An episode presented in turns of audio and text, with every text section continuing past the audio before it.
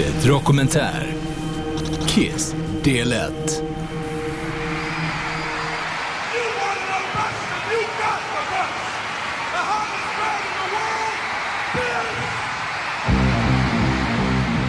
Fyra killar från New York bildar bandet de själva skulle vilja se live. De sminkar sig hårdare än någon annan, döper bandet till Kiss och slår igenom över en natt. Eller var det egentligen så enkelt? I mitten av 50-talet flyttade en åttaårig kille vid namn Chaim Witz från fattigdomen i Israel till New York med sin mamma i hopp om en ljusare framtid. Väl i USA bytte han namn till ett något mer amerikansk klingande namnet Eugene Klein. Som så många andra musiker i den generationen så exploderade musikintresset efter att ha sett en brittisk grupp framträda på tv-programmet The Ed Sullivan Show. Bandet i fråga var såklart The Beatles. Där och då insåg unge Eugene att det var musik han ville hålla på med i framtiden. 1952 föddes en pojke vid namn Stanley Eisen i New York. Han växte upp med mycket klassisk musik i hemmet, men även här ändrades allt när brittiska band som The Beatles och The Rolling Stones gjorde entré i unge Stanleys liv. Trots att han fötts med ett deformerat öra med resultatet att han endast hade hörsel på det ena, så visste han att det var musik han ville syssla med i framtiden. I skolan blev Stanley mobbad för örat och började spara ut håret för att dölja det. Detta gjorde han så framgångsrikt att problemet med örat inte blev känt, inte ens för största Kiss-fansen förrän årtionden senare. Killarna levde ett separat liv ovetandes om varandra, där Eugene bland annat arbetade som lärare och Stanley som taxichaffis. Bägge spelade i olika lokala band när en gemensam vän till slut presenterade dem för varandra. Mötet resulterade i att de började spela i bandet Wicked Lester tillsammans. Eugene hade nu utvecklat sitt namn till Gene Klein och ändrade även detta till slut till Gene Simmons. Ett namn han lånat från rockabillysångaren Jumpin' Gene Simmons. Wicked Lester spelade in ett album för skivbolaget Epic Records 1972, men albumet gavs till gruppens stora besvikelse aldrig ut. Delar av vissa låtar från skivan skulle dock komma att återanvändas i kommande skivsläpp.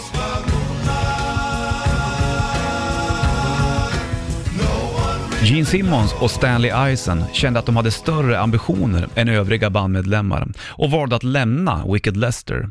I samband med detta tog Stanley beslut att byta namn han också.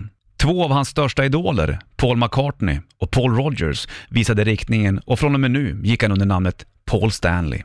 Duon Stanley Simmons började leta efter nya bandmedlemmar och hittade en annons i musiktidningen Rolling Stone. Experienced rock and roll drummer looking for an original group doing soft and hard music. Annonsen var undertecknad av Peter i Brooklyn. Personen som svarade på numret i annonsen var trummisen Peter Criscola, en Brooklyn-född halvitalienare som var några år äldre än Simmons och Stanley. Peter spelade både jazz, rock och hade bland annat hunnit släppa en skiva med gruppen Chelsea.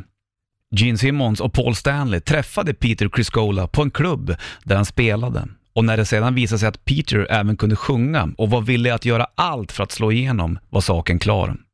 Den ännu namnlösa duon hade blivit en trio. Lead guitarist wanted with flash and ability. Album out shortly. No time wasters please. Stod det i annonsen Stanley satte in i tidningen The Village Voice. För att locka de vassaste gitarristerna hade han tummat lite på sanningen. Albumsläpp skulle komma, men det visste de inte vid det här tillfället. Trion ville utöka bandet med en sologitarrist och i januari 1973 var det dags för auditions i bandets replokal The Loft på 10 East 23rd Street. En adress som har blivit ett landmärke för hängivna Kiss-fans på besök i det stora äpplet. Många gitarrister dök upp och visade intresse och sina skills. Några av dem skulle dyka upp längre fram i Kiss historia, men framförallt var det en kille med två olikfärgade skor som gjorde det största intrycket. Det första intrycket var inte av det allra bästa slaget. Killen med de olikfärgade skorna hette Paul Freely. En Bronxfödd kille från en familj där alla spelade instrument. Hade en något arrogant stil när han klev in, pluggade in sin gitarr och började spela på hög volym innan han ens hunnit presentera sig. När de sen började spela tillsammans slog det gnistor om kvartetten. Simmons, Stanley och Peter, som nu förkortade sitt efternamn till Chris, tyckte att Freely var exakt vad de letade efter. Freely i sin tur tyckte att de övriga killarna faktiskt hade potential och bandet var nu fulltaligt.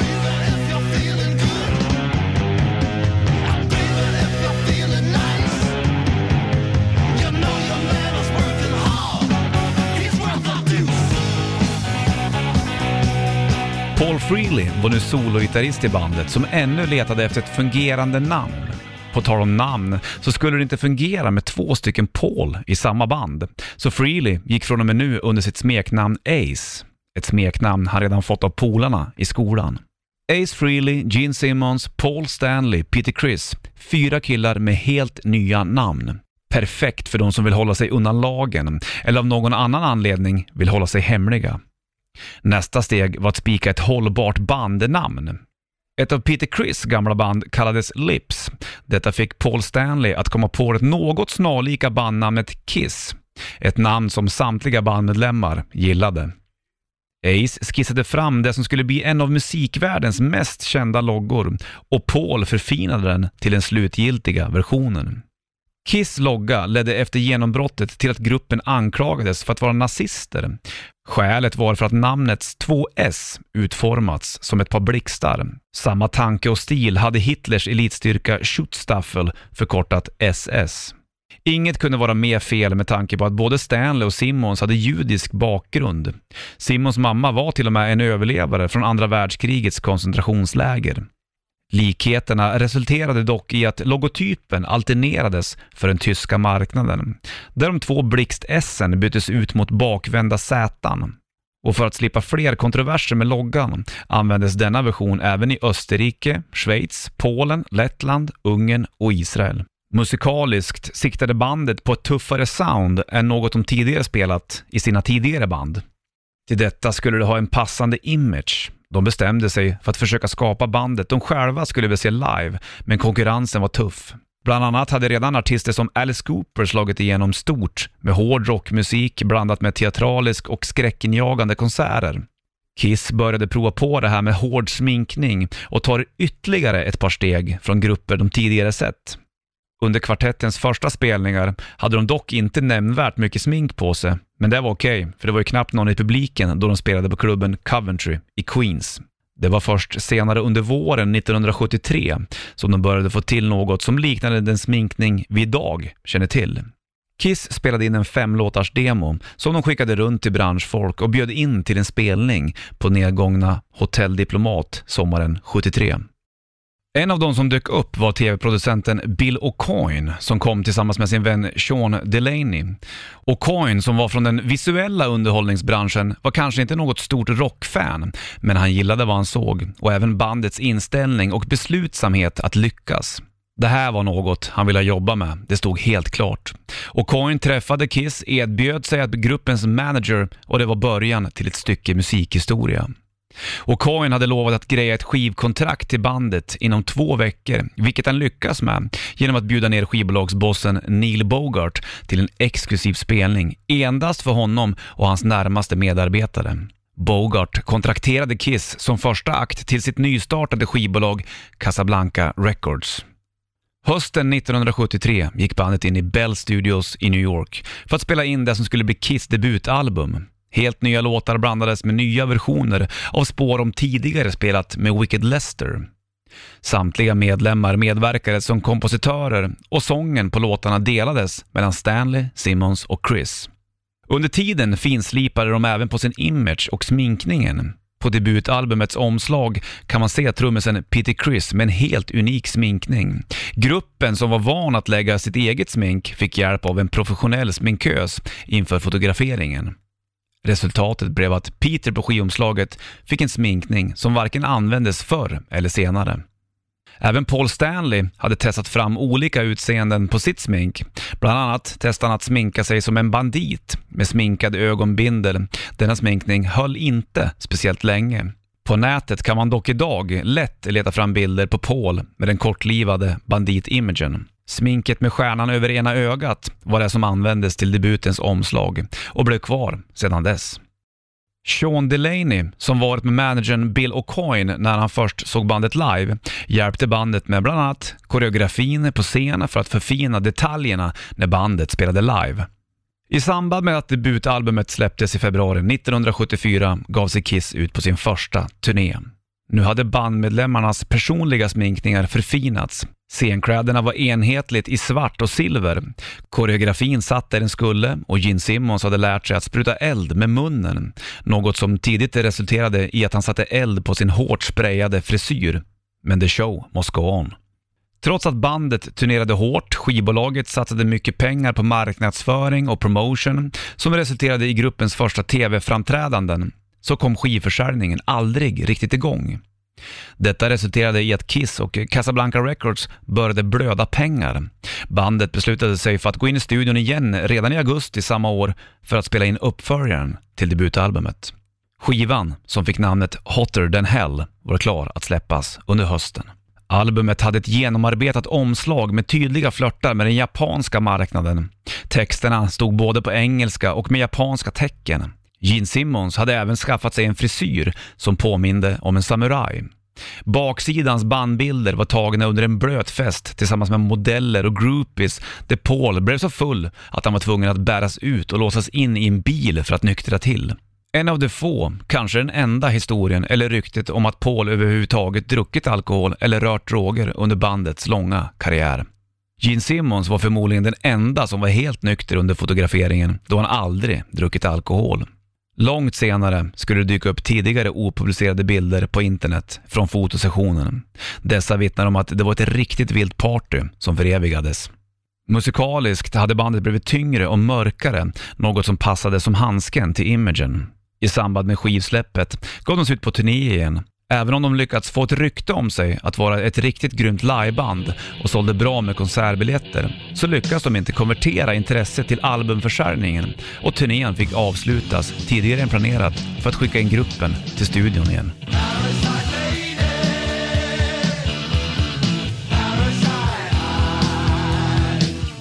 Album nummer tre fick namnet Dress to kill och släpptes i april 1975.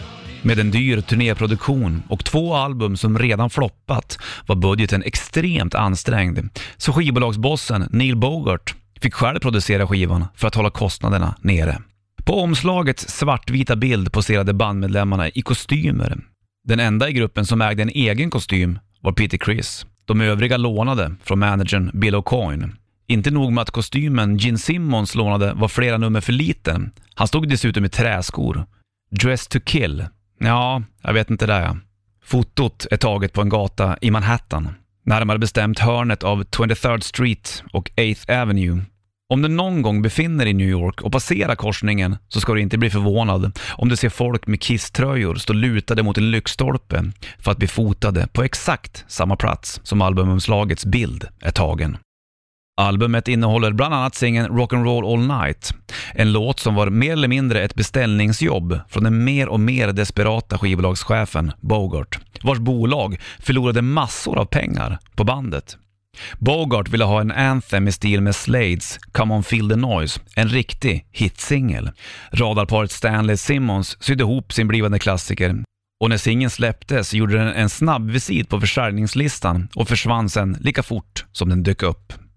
Den blev inte det stora dragplåstret som skulle hjälpa till att skyffla ut albumet från skivaffärerna. I mitten av 1975 levde Kiss på managern Bill O'Coins kreditkort.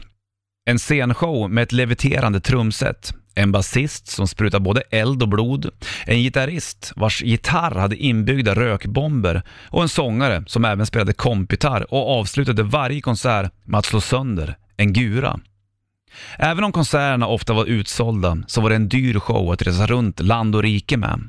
Casablanca Records hade även gjort andra felsatsningar och skivbolagets ständiga personalfest kostade massor av pengar. Företaget stod nu väldigt nära en konkurs. Casablanca hade ett sista S i rockärmen. De hade inte lyckats fånga råheten och energin från Kiss-konserter på studioplattorna och föreslog att de skulle spela in och släppa en liveskiva. Det betydde ju även att gruppen inte behövde klämma ur sig ytterligare nyskrivna låtar. De hade ju trots allt redan släppt tre studioalbum på drygt ett år. You wanted the best, you got the best, the hottest band in the land, Kiss. Introduktionen till skivan, som spelades in under ett flertal konserter under turnén, ropades ut av dåvarande turnéledaren J.R. Smalling. Ett intro som används än idag som startskott för bandets konserter. Undantaget är dock att de bytte ut Land mot World när de började turnera utanför Amerikas gränser.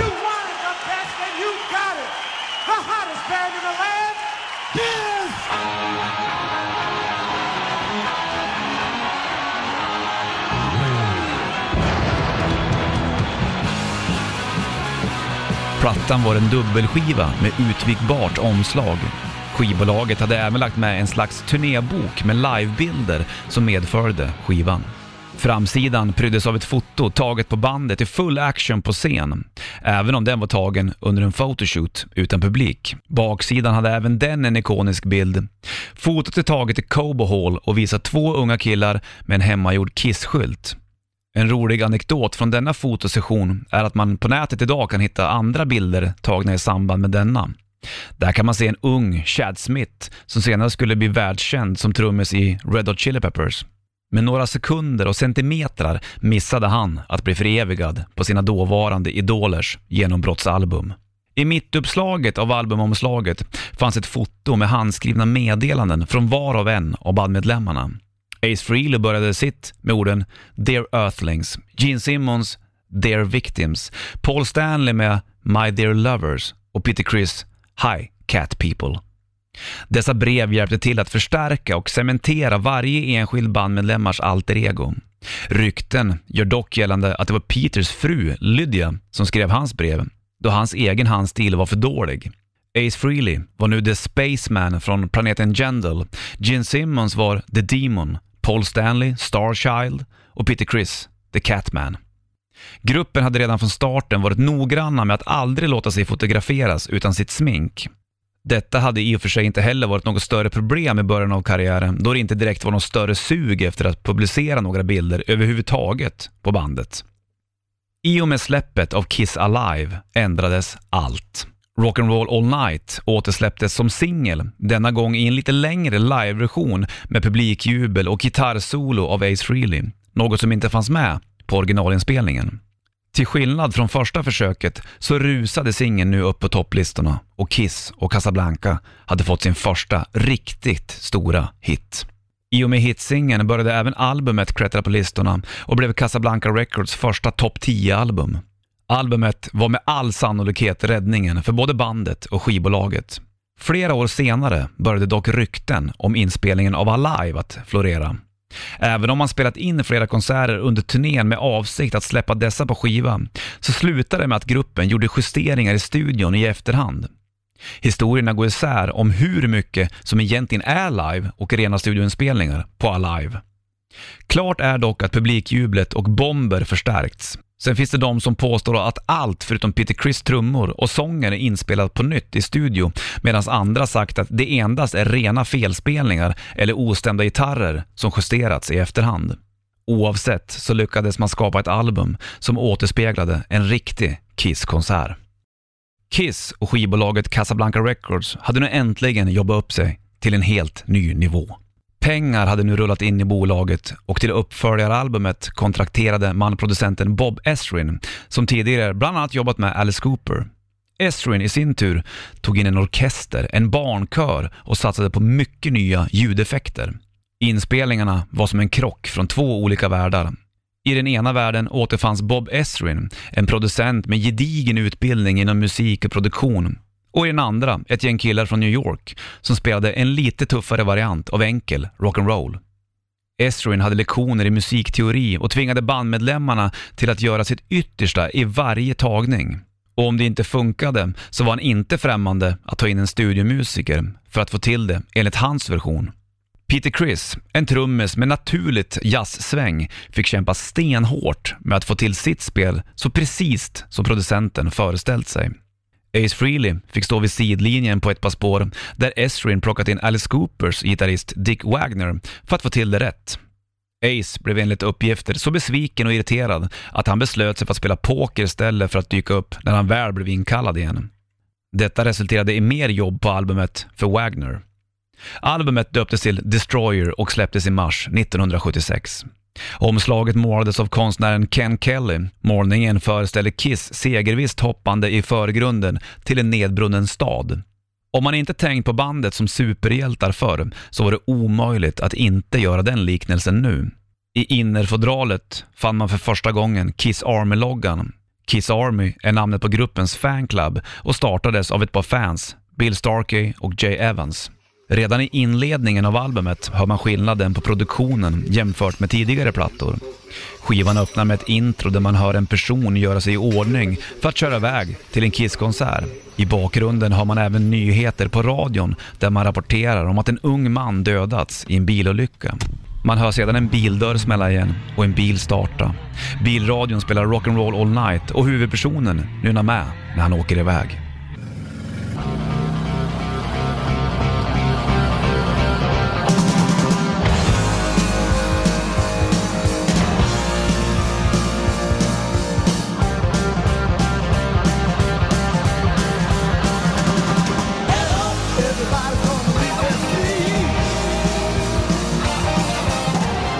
Slutar med en bilkrasch. Texten till låten Detroit Rock City baserar sig på en sann historia om ett fan som dog i en bilolycka på väg till just en Kiss-konsert. Albumet Destroyer hade sålt helt okej, okay, men förväntningarna hade såklart varit större än så. Man hade släppt singlarna Shout It Out Loud och Flaming Youth utan att göra något nämnvärt avtryck. Detroit Rock City släpptes som tredje singel. Även om låten idag vuxit sig till en odödlig klassiker så blev det ingen budgeträddare för bandet vid singelsläppet. Istället började radiostationer vända på singeln och spela B-sidan, balladen Beth. Singeln trycktes snabbt upp på nytt, men denna gång med Beth på A-sidan. Noterbart med låten är att den innehåller en orkester och det är trummisen Peter Criss som sjunger den. Det var även han som skrev låten tillsammans med Stan Pendridge redan under tiden i bandet Chelsea, men då under namnet Beck. Beth blev Kiss första guldsingel och vann People's Choice Awards 1976. Ett pris framröstad av den amerikanska publiken.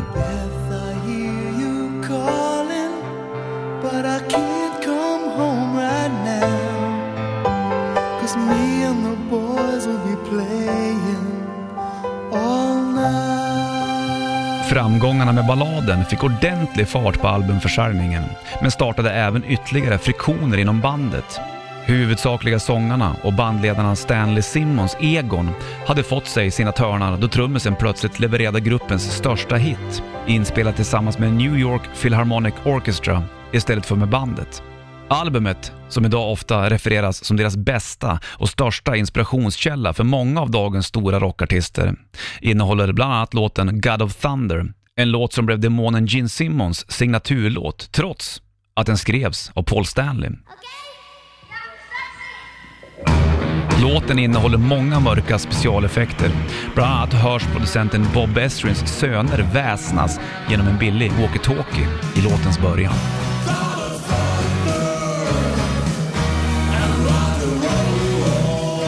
Som annan kuriosa kan också nämnas att den väldigt annorlunda låten Great Expectations innehåller strofer ifrån Beethovens Sonata Pathetic och albumet var den första att inkludera så kallad spökmusiker. Det vill säga musiker som hjälpte till att spela på inspelningarna utan att vara krediterade på omslaget. Destroyer sålde så bra att intresset för bandet vaknat ordentligt runt om i världen. Inte minst i Sverige där musiktidningen Poster redan börjat fylla sidorna med exklusiva bilder på gruppen.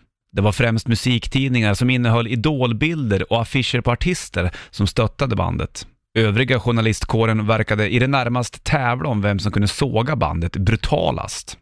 Kiss gavs ut på en världsturné som nådde Sverige i maj 1976.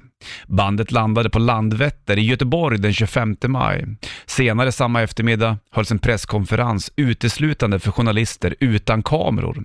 Detta ledde ju såklart till att fotografer i ännu större utsträckning ville smygfota bandmedlemmarna. Under middagen skedde en av många omskrivna incidenter med Ace Frehley. På restaurangen Räkan serverades rätterna via radiostyrda båtar som åkte i en grundpool fram till borden. När en av båtarna stannat mitt i poolen bestämde sig en överförfriskad Ace att kliva i poolen och hjälpa till. Detta resulterade i att hela sällskapet blev utslängda från restaurangen. Värt att nämna är att det var endast ena halvan av bandet som överhuvudtaget drack alkohol. Detta var ofta roten till friktioner inom gruppen. I ena ringhörnan hade vi Ace och Peter och i den andra de mer seriösa och fokuserade grundarna av bandet Paul och Gene. Kvällen efter restaurangbesöket var det dags för Kiss att debutera på en svensk scen. 3-4 000 fans hade kommit till Skandinavien för att se sina amerikanska idoler. Den incident som det talats mest om i efterhand om denna konsert var att på den tiden placerades stolar nere på parkett. Dessa stolar började flyga omkring under konserten och resulterade i att Kiss endast spelade ett extra nummer den kvällen, då stolar började flyga mot scenen. Dagen efter konserten kunde man läsa recensionerna. Aftonbladets rubrik löd Kiss, sämre än spöktåget. Hela artikeln ägnades åt att såga bandet längs platåskorna. Spöktåget var läskigare. De omger sig med nazisymboler och samtidigt som man konstaterar att gruppen omger sig med rök, bomber och skjuter raketer från gitarren så tycker de att showen är skittråkig och musiken platt och fantasilös.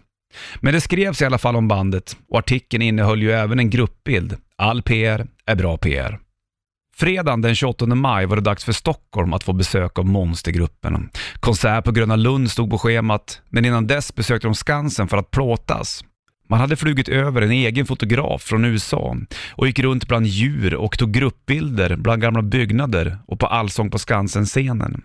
Konserten på Gröna Lund besöktes av 16 000 personer och har blivit en av dessa klassiska “Jag var där”-konserter som det talas om än idag bland de gamla fansen. Recensionerna dagen efter var som de brukade. Den här gången löd rubriken i Aftonbladet “Hysterin är här igen”. Skrik, obscena rop och svimningar på Gröna Lund och supergruppen Kiss kom på besök. Bandet hade som regel att uppdatera scendräkterna inför varje albumsläpp och turné. Under Europabesöket uppträdde man dock i gamla Alive-dräkterna, trots att de på bilden till nyligen släppta Destroyer syntes i helt andra dräkter. Det var dock inget någon uppmärksammade vid tidpunkten. Det är snarare en pusselbit i Kiss-historien för Kiss-nördarna. Väl hemma i USA var de nya scendräkterna klara och en helt ny påkostad scenshow designad och färdigbyggd. Scenen var uppdelad i olika världar, var och en representerade bandmedlemmarnas personligheter. Peter Criss trumset vaktades av två stora kattliknande varelser. Ace Frehleys sida var byggt som ett månlandskap. Gene Simmons höll till på sin kant som var designat som en gotisk borg och i mitten stod den självklara stjärnan Paul Stanley. I Anaheim i Kalifornien spelar de inför närmare 43 000 åskådare. En av få spelningar som filmades för eftervärlden. Kiss fick även medverka i tv-programmet The Paul Lund Halloween Special samma höst, vilket ytterligare bidrog till bandets ständigt växande popularitet och det gällde att smida medan järnet var varmt. I november samma år släpptes albumet Rock'n'Roll Over, ett album med ett av de allra populäraste omslagen. En blixtformad ring med bandmedlemmarnas ansikten inne i ringen. En svårförklarad målning som är bäst att leta upp och beundra med egna ögon. Musikaliskt sett så gick de tillbaka till sitt rakare sound med enklare produktion. Och istället för musikprofessorn Bob Esrin så skötte nu Eddie Kramer spakarna, vilket framförallt Ace Frehley och Peter Criss uppskattade. Trummisen och gitarristens vilda rock'n'roll-livsstil rimmade illa med Esrins strikta inspelningsmetoder. Första singeln från albumet var en låt skriven av Paul Stanley, som initialt hade för avsikt att få Rod Stewart att spela in den. Dock så övertygade Gene honom att låta Peter sjunga in den. Efter framgångarna med Beth så fanns det förhoppningar om att göra om bravaden med en ballad insjungen av trummisen.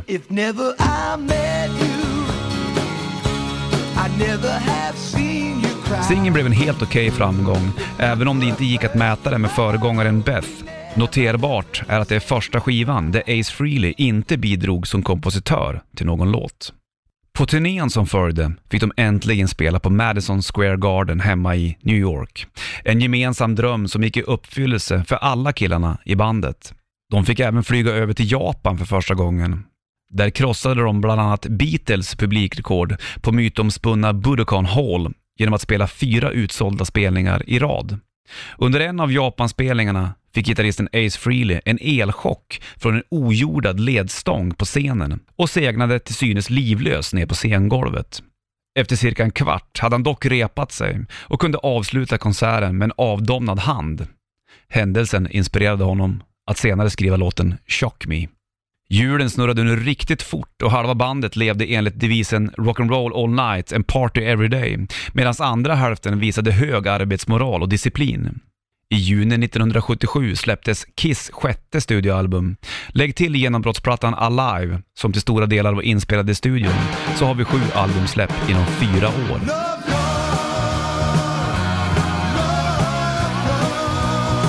Nya albumet fick namnet Love Gun och var den första skivan som innehöll leadsång av samtliga bandmedlemmar. Ace Frehley hade nu äntligen samlat mod till sig för att sjunga lead på ett album. Låten var nyss nämnda Shock Me.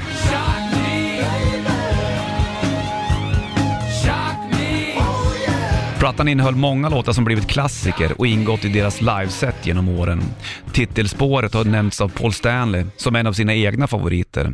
Man kan ju ana vad han menar med uttrycket “Love Gun”, men han kan inte ta äran helt för texten. På senare år har han erkänt att han inspirerats av Albert Kings version av “The Hunter”.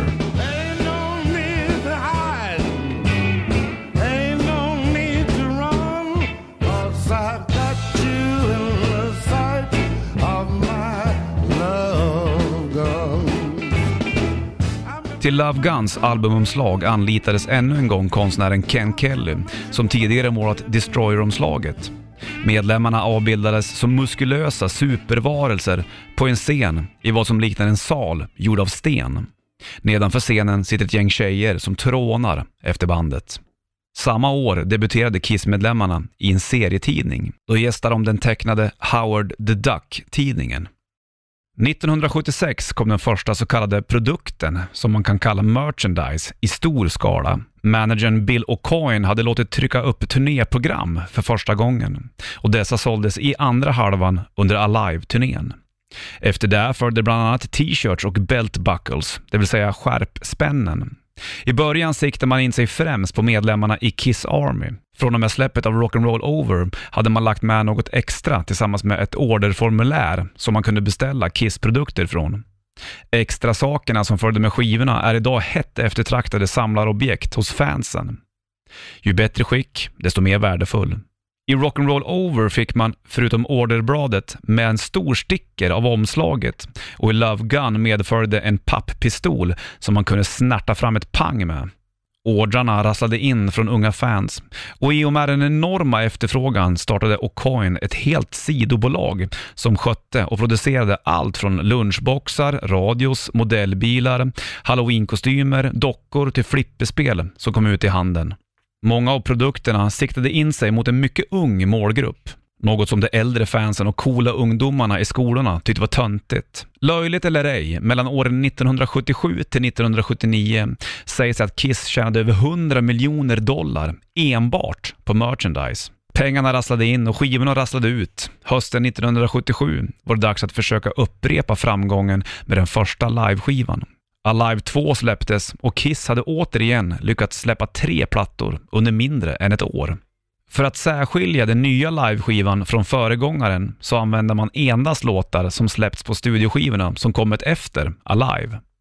Dessa livespår var i huvudsak inspelade under soundcheck på Love Gun-turnén med pålagt publikljud. De nya låtarna räckte till tre av dubbelskivans fyra sidor.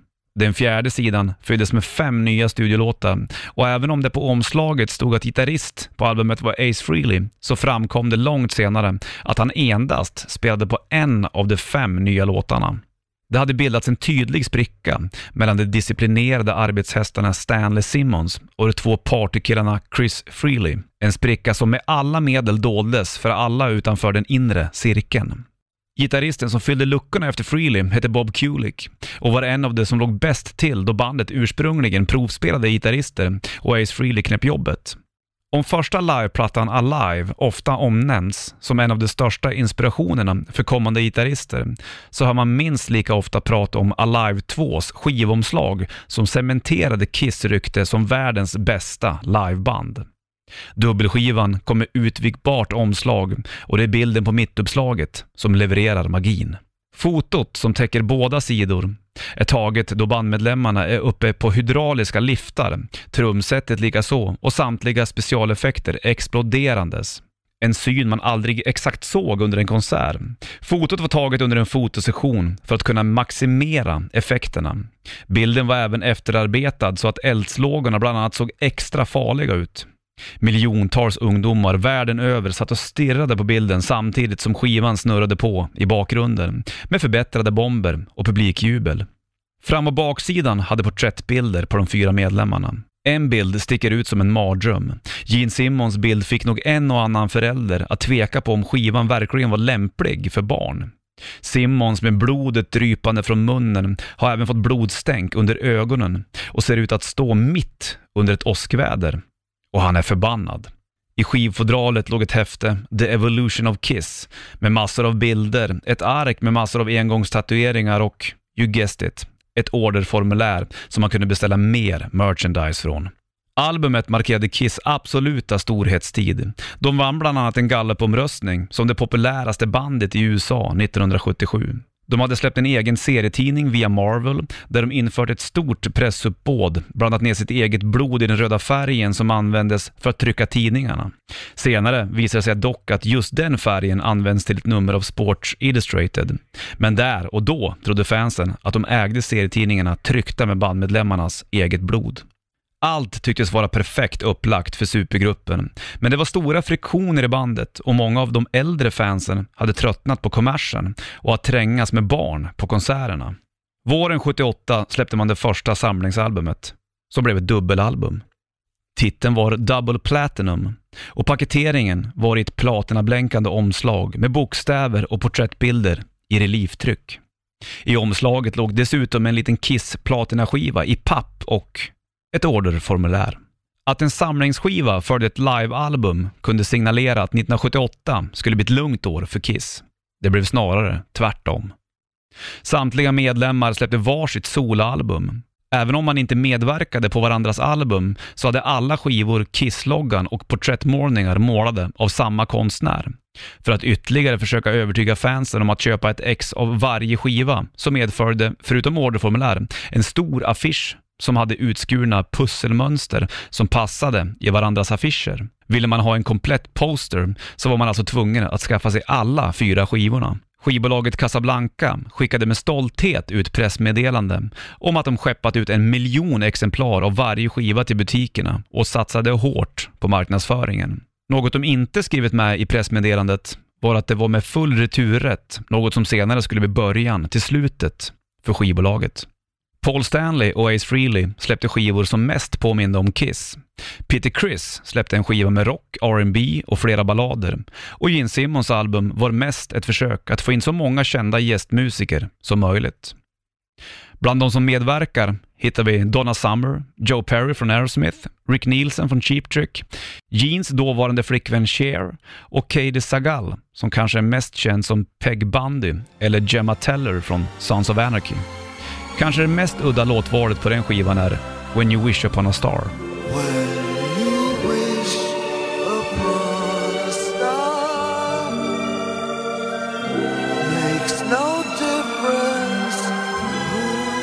Även om det var Gene Simmons albumomslag som drog till sig mest uppmärksamhet, så var det inte den som sålde bäst. Alla skivomslag har snyggt målade porträtt, men det som sticker ut är blodet som droppar från Simmons mungipa. Enligt uppgift ett sista minuten-tillägg från konstnären Eraldo Carugati som resulterat i att ett otal fans tatuerat in just den målningen på kroppen. Den enda som fick en hit från sin skiva var gitarristen Ace Frehley. Frehley hade spelat in en cover av Hellos New York Groove, en låt som hade varit en helt okej hit redan 1975 i sitt originalutförande och som nu fick nytt liv genom rymdmannen Ace. Partydjuret på trummor, Peter Criss, hade haft bandets största hit med Beth och nu hade hans festarbroder i gruppen fått en solohit. Det var inte bara killarnas egon som växte. Även alkohol och drogberoendet hade vuxit sig rejält starkt hos festduon. Allt medan den nyktra duon jobbade hårt för att styra Kiss-skutan rätt tillsammans med managern O'Coin. Järnet hade nu varit varmt i drygt tre år och Kiss hade hunnit med mer än de flesta band skulle kunna drömma om att göra under en livstid. Men mer skulle komma. Managern O'Coin, med ett förflutet från tv-branschen, föreslog att man skulle göra en långfilm med Kiss-medlemmarna som superhjältar. Tanken var att producera ett mellanting av The Beatles A Hard Day's Night och Star Wars. Kanske borde man då tagit in ett annat produktionsbolag än Hanna-Barbera. Bolaget som blivit extra framgångsrikt på karaktärer som Rosa Pantern och Scooby-Doo. Filmen fick namnet Kiss Meets the Phantom of the Park och utspelar sig i nöjesparken Six Flags Magic Mountain. Handlingen är något oklar, men Kiss är i alla fall superhjältar med olika krafter. Gene Simmons är superstark och sprutar eld med munnen. Paul Stanley skjuter laser med sitt stjärnöga. Ace Frehley kan teleportera sig själv och bandet genom att slänga upp tummarna i en liftarpose och Peter Criss är vig som en katt och kan skutta långt. Gruppen ska ha konsert på nöjesfältet på kvällen, men under dagen sker det märkliga saker och en kille försvinner. Det visar sig att det är en galen vetenskapsman som skapat attraktionerna i parken och han sitter i en grotta och tillverkar monsterrobotar som Kiss slåss med. Han skapar till och med kopior av Kiss-medlemmarna, vilket resulterar i att de slåss med sina lookalikes. Peter Criss och Ace Frehley var i vanlig ordning inte lika intresserade av att följa något schema. Peter dök inte upp när det var dags att dubba de scener han var med i, vilket resulterade i att hans repliker läses in av en annan skådespelare. Det är alltså inte Peters röst man hör när man ser filmen, förutom när han sjunger den akustiska versionen av Beth. Ace hade inte många repliker alls. Han snubblade mest omkring, vilket ursäktades med att han var från en annan planet och att han inte pallade av gravitationen på jorden. Sanningen lär ha funnits i flaskan. Den stora behållningen med filmen var dock livescenerna. 1978 var fansen inte bortskämda med att se rörligt material med sina idoler och filmen, som visades i TV hemma i USA, fick faktiskt bra tittarsiffror. Om det var till för eller nackdel för bandet att så många hade sett den låter jag vara osagt, men den usla produktionen och slutresultatet skapade en spricka mellan O'Coin och bandet. 1979 var det dags för Kiss första studioalbum på två år. Albumet döptes till Dynasty Första singeln hade Paul Stanley skrivit tillsammans med en lovande sångare och kompositör. Det skulle visa sig att detta skulle bli kompositörens första hit av extremt många. Killens namn var Desmond Child och låten hon skrev var I was made for loving you. En flört med den rådande discofebern. Desmond Child skrev senare låtar som Bon Jovis Living on a prayer, You give love a bad name och Alice Cooper Poison, bland många, många andra.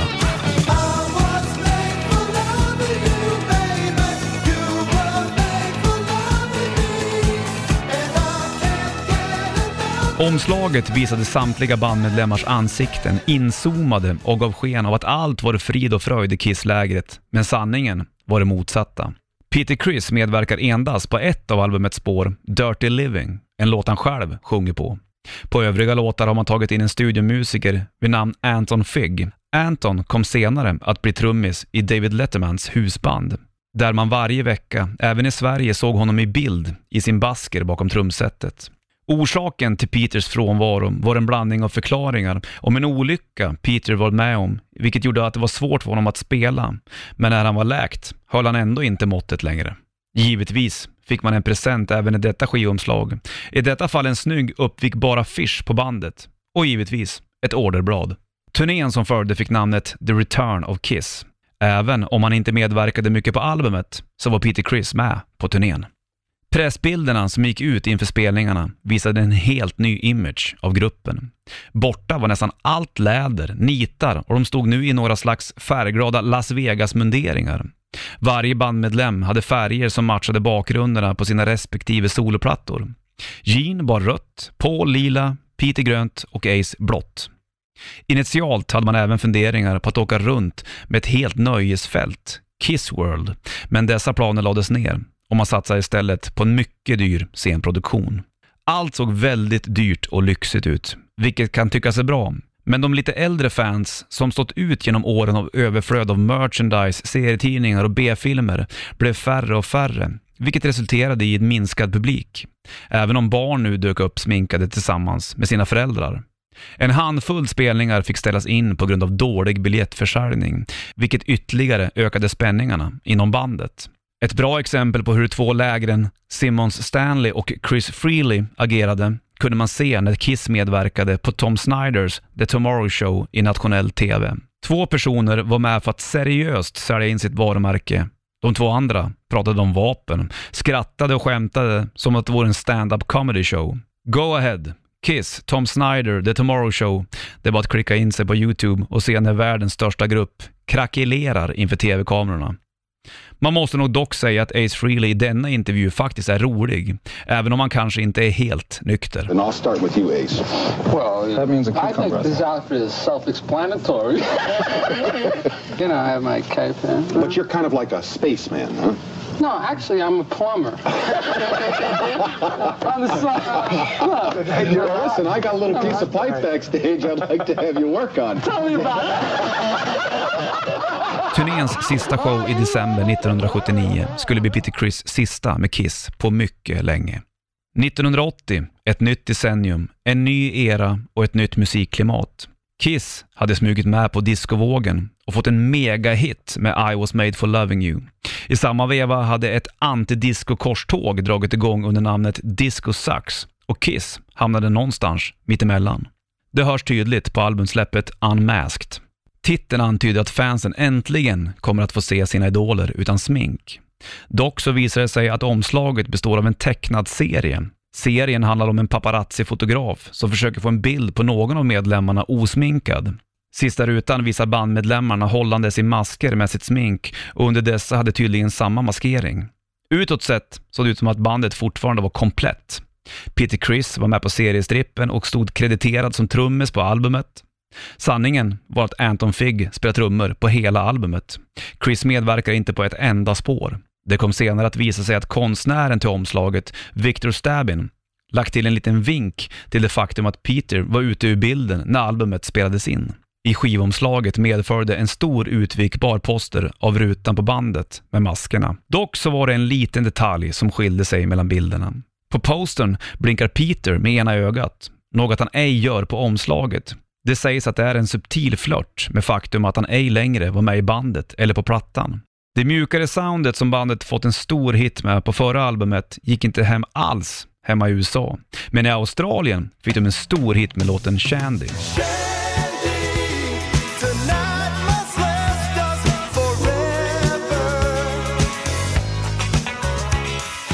Videon till låten, som handlar om ett fan som försöker få en skymt av sina idoler utan smink, slutar med en bild på hela bandet. Detta var den sista gången man fick se Peter Chris tillsammans med övriga medlemmar, på ett bra tag. Det fanns nu ingen vidare efterfrågan på Kiss-konserter i hemlandet och bandet flyttade fokus mot Australien, Nya Zeeland och Europa.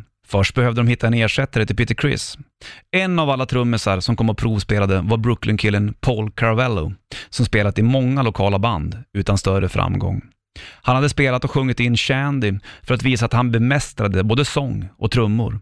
Sedan hade han lagt kassetten i en orange mapp i hopp om att den skulle sticka ut bland övriga ansökningar.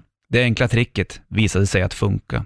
Efter att bandet lyssnat igenom tejpen blev han inbjuden att provspela för bandet. Caravello kom väl förberedd och fick se bandmedlemmarna för första gången utan smink. Provspelningen gick bra, men innan han gick tog han gruppens autografer om det skulle visa sig att han ej blev vald. Det visade sig dock att han imponerat stort på Kiss-medlemmarna och dessutom var totalt okänd, vilket var ytterligare en fördel om han skulle förbli anonym i ett av världens största band. Paul Caravello blev inte Kiss nya trummis. Det fanns som bekant redan en, eller egentligen två, Paul i bandet och Caravello var för lätt att göra sökningar på. Det gick inte för sig om man nu gick helt undercover, trots att man samtidigt skulle bli världskänd. Ett av de föreslagna artistnamnen var Rusty Blades, men det spikades att han från och med medlemskapet i Kiss hette Eric Carr. Man gick även medvetet ut med fel födelseår för att förvilla journalister och fans ytterligare. Då var det bara till att repa in alla låtar inför turnén. Eller?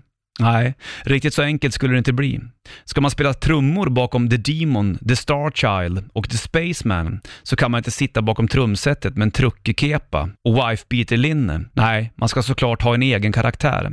Det första förslaget som togs på allvar var The Hawk. På pappret ett coolt djur med status och mystik, men om man klär upp en ung man i gulbruna fjädrar och målar en gul näbb på näsan så blir det tydligt att man ser allt annat än cool ut. Vi kan idag tacka internet för möjligheten att få se några suddiga bilder på den sminkningen och prototypen av dräkten som aldrig användes. Istället arbetade Carr och O'Coin fram konceptet The Fox, räven. Eric Carrs live-debut med Kiss skedde i juli 1980 på Unmasked-turnéns enda USA-spelning. Innan gruppen flög till Europa så hade de ett uppvärmningsgig på The Palladium i New York. Halkar man på bilder från denna spelning så kan man se att Erics smink var aningen mer komplicerad än vad den slutligen skulle bli. Men konceptet med räven höll. Väl i Europa så parades de ihop med ett nytt ungt förband från England. De brittiska killarna kallade sig för Iron Maiden. Sverige fick besök i oktober då de spelade i Eriksdalshallen i Stockholm och Scandinavium i Göteborg. Den relativt lilla sporthallen i Stockholm rymde drygt 3000 människor och användes eftersom den huvudsakliga arenan, Johanneshovs isstadion, renoverades. Både i Stockholm och Göteborg fick tävlingsvinnare från fanklubben träffa bandet. Konserterna i sig är mest ihågkomna för att ha varit Iron Maidens första spelningar i Sverige.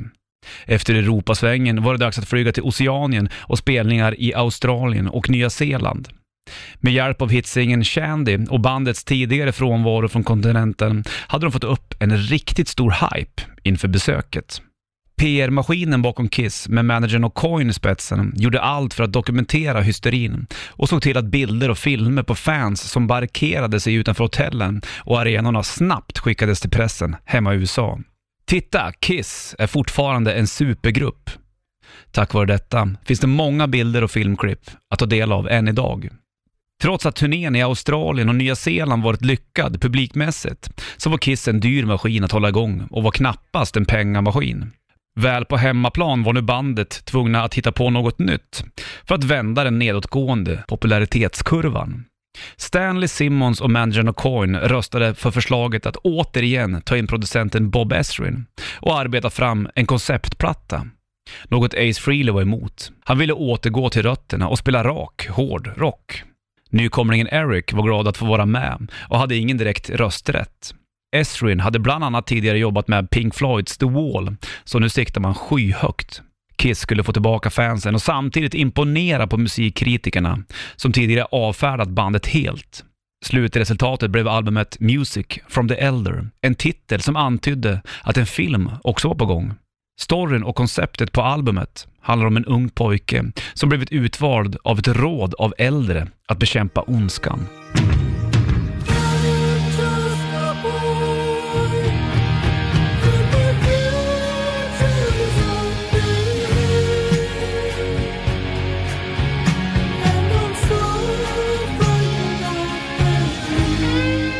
Lite knepig historia som blev ytterligare svårbegriplig när låtordningen blandades innan albumet trycktes och dialoger som skulle legat mellan spåren togs bort.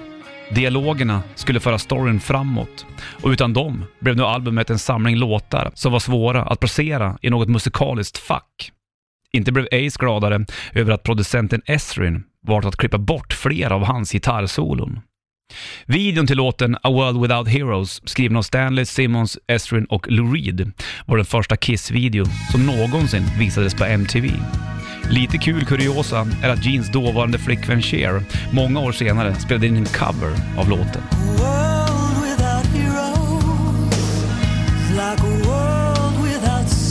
Trots okej recensioner så stod till och med de mest hängivna fansen som frågetecken. Inte blev de klokare av skivomslaget som visade en port med en hand som sträcker sig mot en portklapp i brons med en ros på. Trots att det var en enkelplatta så kom skivan i ett utvikbart omslag. Men inte heller inne i omslaget fanns det en bild på bandmedlemmarna. Där fanns endast ett foto på ett stort mörkt matsalsbord med tillhörande stolar och ett ljus. När de första nya pressbilderna började cirkulera såg man Kiss med en helt ny stil. Kortare hår och mindre extravaganta scenkläder. Albumet floppade på listorna och den planerade turnén ställdes in.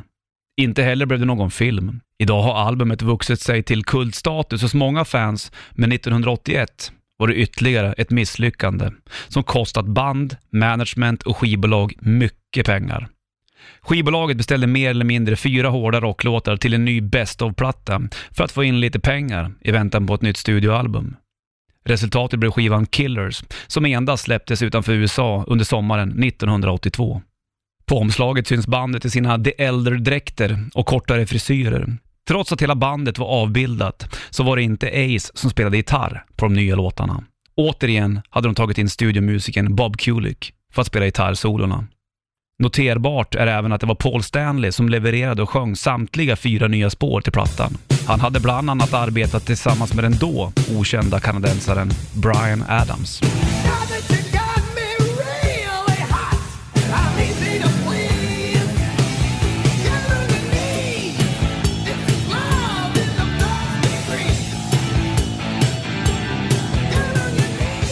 Kiss popularitetskurva var fortsatt lodrät neråt.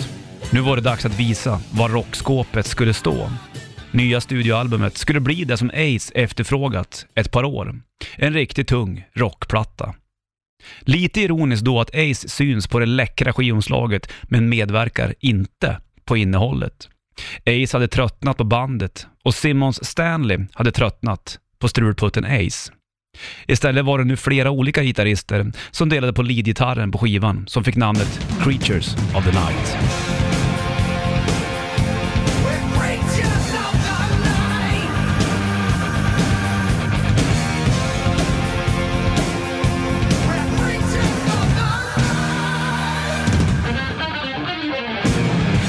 Skivbolagschefen Neil Bogart, som var den som gav Kiss det första skivkontraktet, dog i cancer under inspelningen av albumet, som också blev det sista för Kiss under etiketten Casablanca, som nu blivit uppköpt av skivbolagsjätten Polygram.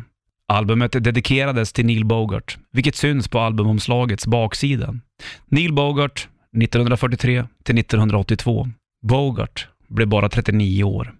Även om Ace inte medverkade på inspelningen av Creatures of the Night var han ändå utåt sett Kiss-gitarrist och var med i videon till singeln I Love It Loud och åkte med promoturnén för albumet och svarade på frågor om inspelningen och framträdde på playback-framträdanden i tv-shower, trots att han knappt kunde låtarna.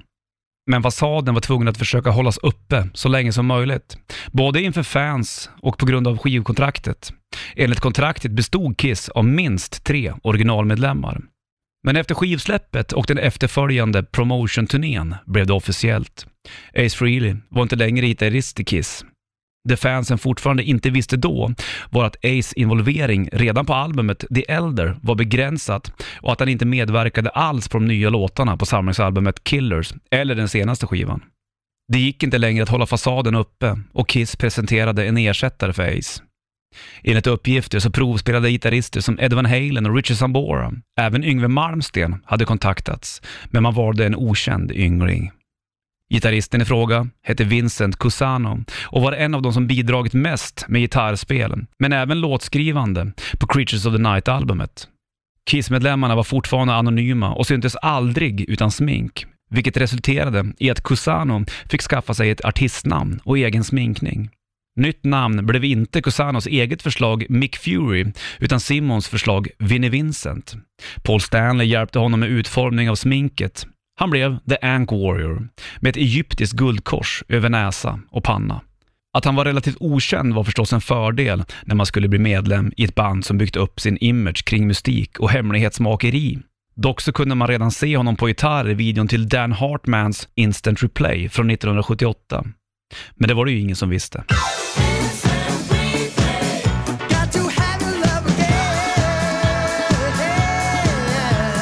Lite kul kuriosa är att förutom Vinnie Vincent så spelade även återigen bland annat Bob Kulick gitarr på vissa spår och Steve Ferris från Mr. Mister levererade gitarrsolot på titelspåret.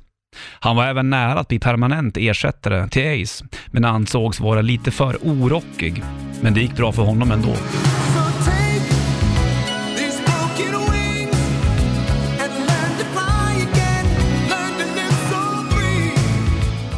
Vinnie Vincent spelar det enkla solot på singeln I Love It Loud, men i videon medverkar Ace och det är Paul som sköter solandet framför kameran.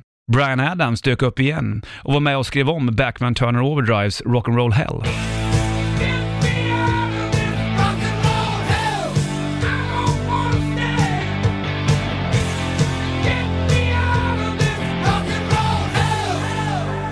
När albumet släpptes mottogs det med helt okej kritik, men den kommersiella framgången uteblev. Den efterföljande turnén fick namnet Creatures of the Night Tour, 10th Anniversary Tour. Scenshowen var påkostad och tuff, med pansarvagnen som syns i videon till I Love It Loud som trumpodie. Vinnie Vincent hade mer eller mindre glidit in i bandet efter att ha varit med och skrivit tre låtar på senaste albumet och spelat på sex av skivans nio spår. Något kontrakt hade inte signerats mellan honom och bandet när de gav sig ut på turné i december 1982. I de första annonserna och affischerna syntes fortfarande Ace Frehley på pressbilder och konsertaffischer. Det var först när bandet stod på scen som många av fansen fick reda på att han ersatts. Konsertarrangörerna hade ju bokat Kiss som enligt kontraktet bestod av minst tre originalmedlemmar. När bandet sedan dök upp med Vincent som gitarrist påstods det att Ace råkat ut för en bilolycka, men att man hoppas på att han snart skulle vara tillbaka. Ace hade ju för sig varit med om en och annan bilolycka, men det var dock inte skälet till hans frånvaro på denna turné. Det var dock inte Freelys frånvaro som var skälet till den dåliga biljettförsäljningen. Trots att turnén marknadsfördes som 10-årsjubileum, bandet hade återgått till den hårdare rocken och skulle ut på sin första USA-turné på tre år, så var de tvungna att avbryta turnén i förtid.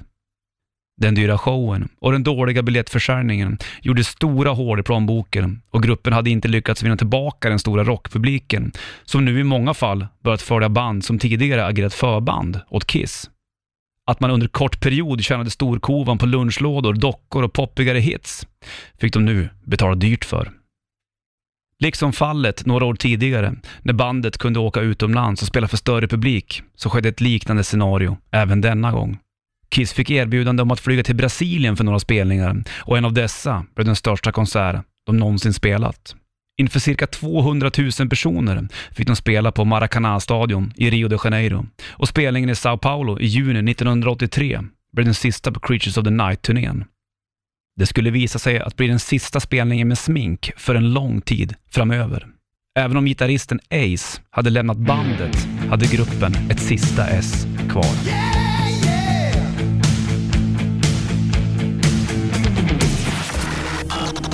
Bandit Dokumentär Kiss Del 1.